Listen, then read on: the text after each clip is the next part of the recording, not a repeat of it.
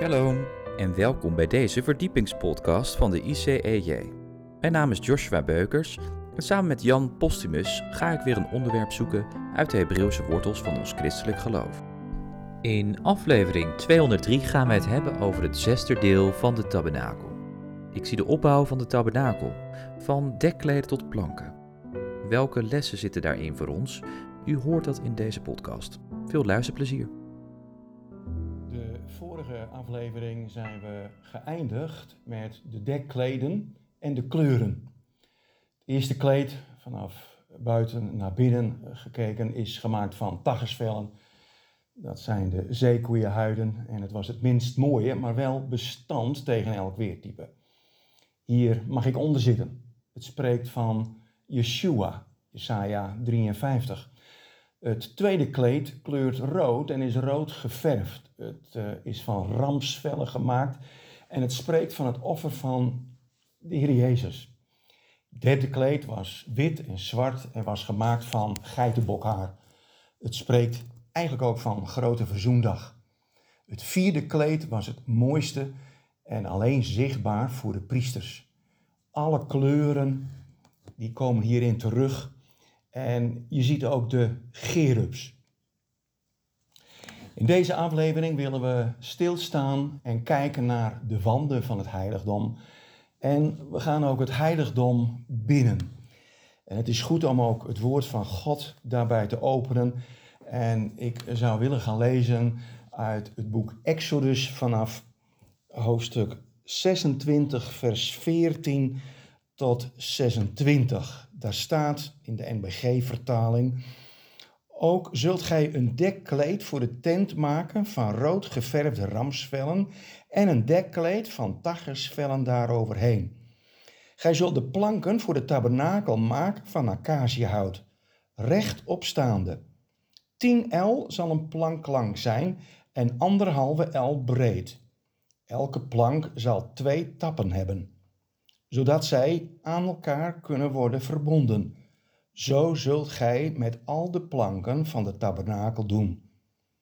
Gij zult de planken voor de tabernakel maken, twintig planken aan de zuidkant, en veertig zilveren voetstukken zult gij maken onder de twintig planken, twee voetstukken onder de ene plank voor haar beide tappen, en twee voetstukken onder de andere plank voor haar beide tappen.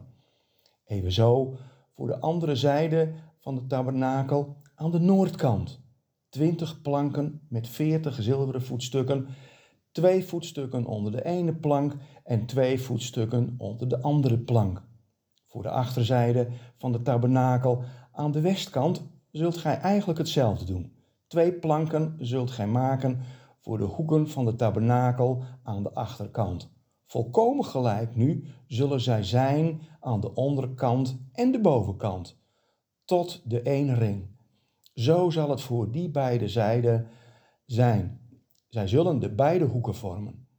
Er zullen dus acht planken zijn met haar zilveren voetstukken, zestien voetstukken, twee voetstukken onder de ene plank en twee voetstukken onder de andere plank. Ook zult gij dwarsbalken maken van acaciahout. Tot zover. Ja, eigenlijk wat een bijzondere opsomming van materiaal wat gebruikt moest worden om de wanden van het heiligdom te maken. Hij, Yeshua, is het hoofd en wij zijn het lichaam. Je zou eigenlijk kunnen zeggen, Yeshua is het dak en wij zijn de wanden. In Exodus hoofdstuk 26 wordt, wordt er geen opmerking gemaakt over de oostkant. Nee, dat, dat is juist, want aan de oostkant was de ingang. Je kunt je afvragen van, wat moeten we nou met al die genoemde planken? Nou, ik zal je zeggen dat het een van de meest mooie onderdelen is van de tabernakel. De wanden die zijn net als het brandofferaltaar gemaakt van acaciahout. Kenmerk van dat hout is dat het kei en de keihard is. Het was afkomstig van de acaciaboom die groeit in de Sinai. En die kon wel en die kan 5 tot 8 meter hoog worden. Je leest daarover ook in Jesaja 41 vanaf vers 18 tot 20. Het is een enorme boom met een wollige kruin en ook een heel ingewikkeld wortelstelsel. Het was ontzettend bewerkelijk voor het volk. Zeker als je bedenkt dat ze toen in die tijd geen elektronische apparatuur hadden om te zagen, te bewerken enzovoort enzovoort. De planken die werden overtrokken met goud en ze stonden op een zilveren voetstuk. Dit voetstuk beschouwde het ook als een fundament wat nodig was om de planken rechtop te houden bij het blijven staan van die planken. De planken werden bijeengehouden, zo lazen we, door vijf dwarsbalken. En de planken en de dwarsbalken zijn een beeld van de gelovigen van vandaag de dag. Zo zou je kunnen zeggen. In Efeze hoofdstuk 2 vanaf vers 19 tot 22 lezen we: Zo zijt gij dan geen vreemdelingen en bijwoners meer, maar medeburgers der heiligen en huisgenoten Gods, gebouwd op het fundament van de apostelen en de profeten, terwijl Christus Jezus zelf de hoeksteen is. In hem was elk bouwwerk goed ineensluitend op tot een tempel, heilig in de Here, in wie ook gij mede gebouwd wordt tot een woonstede Gods in de geest. Hoe bijzonder is dat? Een woonstede Gods in de geest.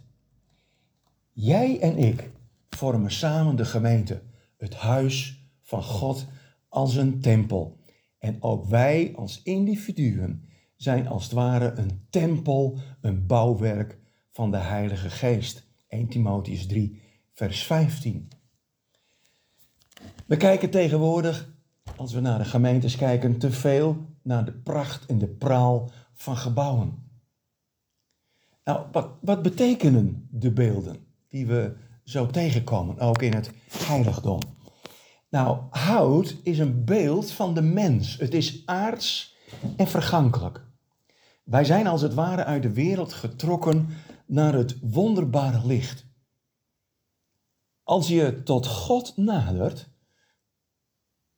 als je tot Hem komt, gaat Hij je bewerken. Eigenlijk was ik net zo hard als het acaciahout van de bomen. Maar de Heere ziet kans om jouw leven te bewerken. Ook wij, ook ik, had een wollige kruin. God ging ons denken vernieuwen. We zijn als het ware verworteld met deze goddeloze wereld. Maar de Heer Jezus gaat je wortelgestel aanpakken. Hij gaat het bewerken. Je wordt als het ware gekapt. En God vormt ons en bewerkt ook ons om Jezus, zijn zoon, in ons te openbaren. Ook wij, jij en ik, worden overtrokken met goud als beeld van de heerlijkheid van Jezus Christus. Je wordt als het ware gezet op een zilveren voetstuk, een fundament, als een paneel tot eer van God. Zilver in de Bijbel is een betaalmiddel. Denk ook maar aan Jozef, die voor 30 zilverstukken werd verkocht. En Judas, die kreeg, die kreeg 30 zilverstukken voor het verraad van Jezus. Zilver is ook het beeld van verzoening, een fundament voor verzoening. Jezus betaalde de verlossingsprijs met zijn bloed en niet met een betaalmiddel. Het zilveren voetstuk zo lazen we, bestaat uit twee delen. Namelijk, als het ware, uit de genade, Romeinen 5, vers 2, en het vaststaan door het geloof, 2 Korinthe 1, vers 24. Verzoening, zo zou je kunnen zeggen, heeft dus dan ook twee kanten. Dankzij het offer van Jezus ben ik onderdeel geworden van het huis van God. Wat betreft de dwarsbalken. Vier zijn zichtbaar en één onzichtbaar. wat als het ware een beeld is van de Heilige Geest die de gelovigen samenbindt. De eenheid bewaren door de band des vredes. Efeze 4, vers 3. Blijf volharden bij de leer van de apostelen en de gemeenschap, het breken van het brood en de gebeden. Deze pijlers van het geloof kom je tegen in Handelingen 2, vers 42. Doet de liefde aan als de band der volmaaktheid. Colossensen 3, vers 14.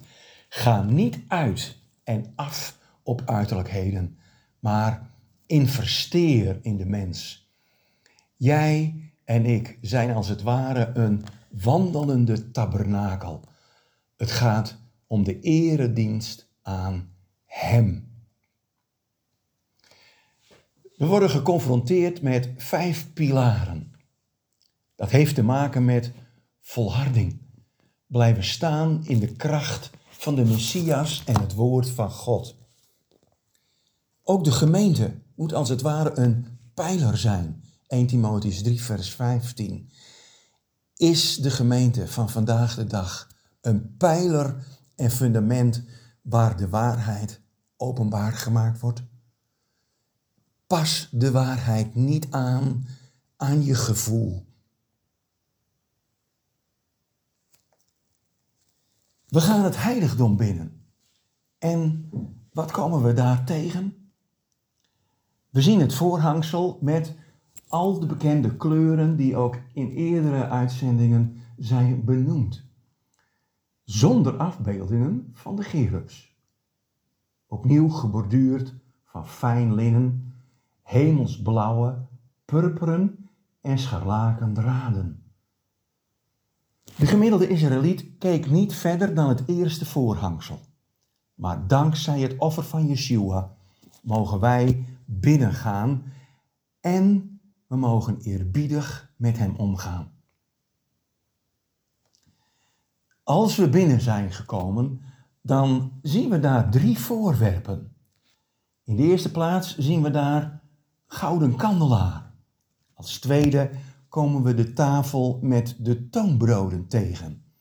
En als derde zien we het reukwerkaltaar.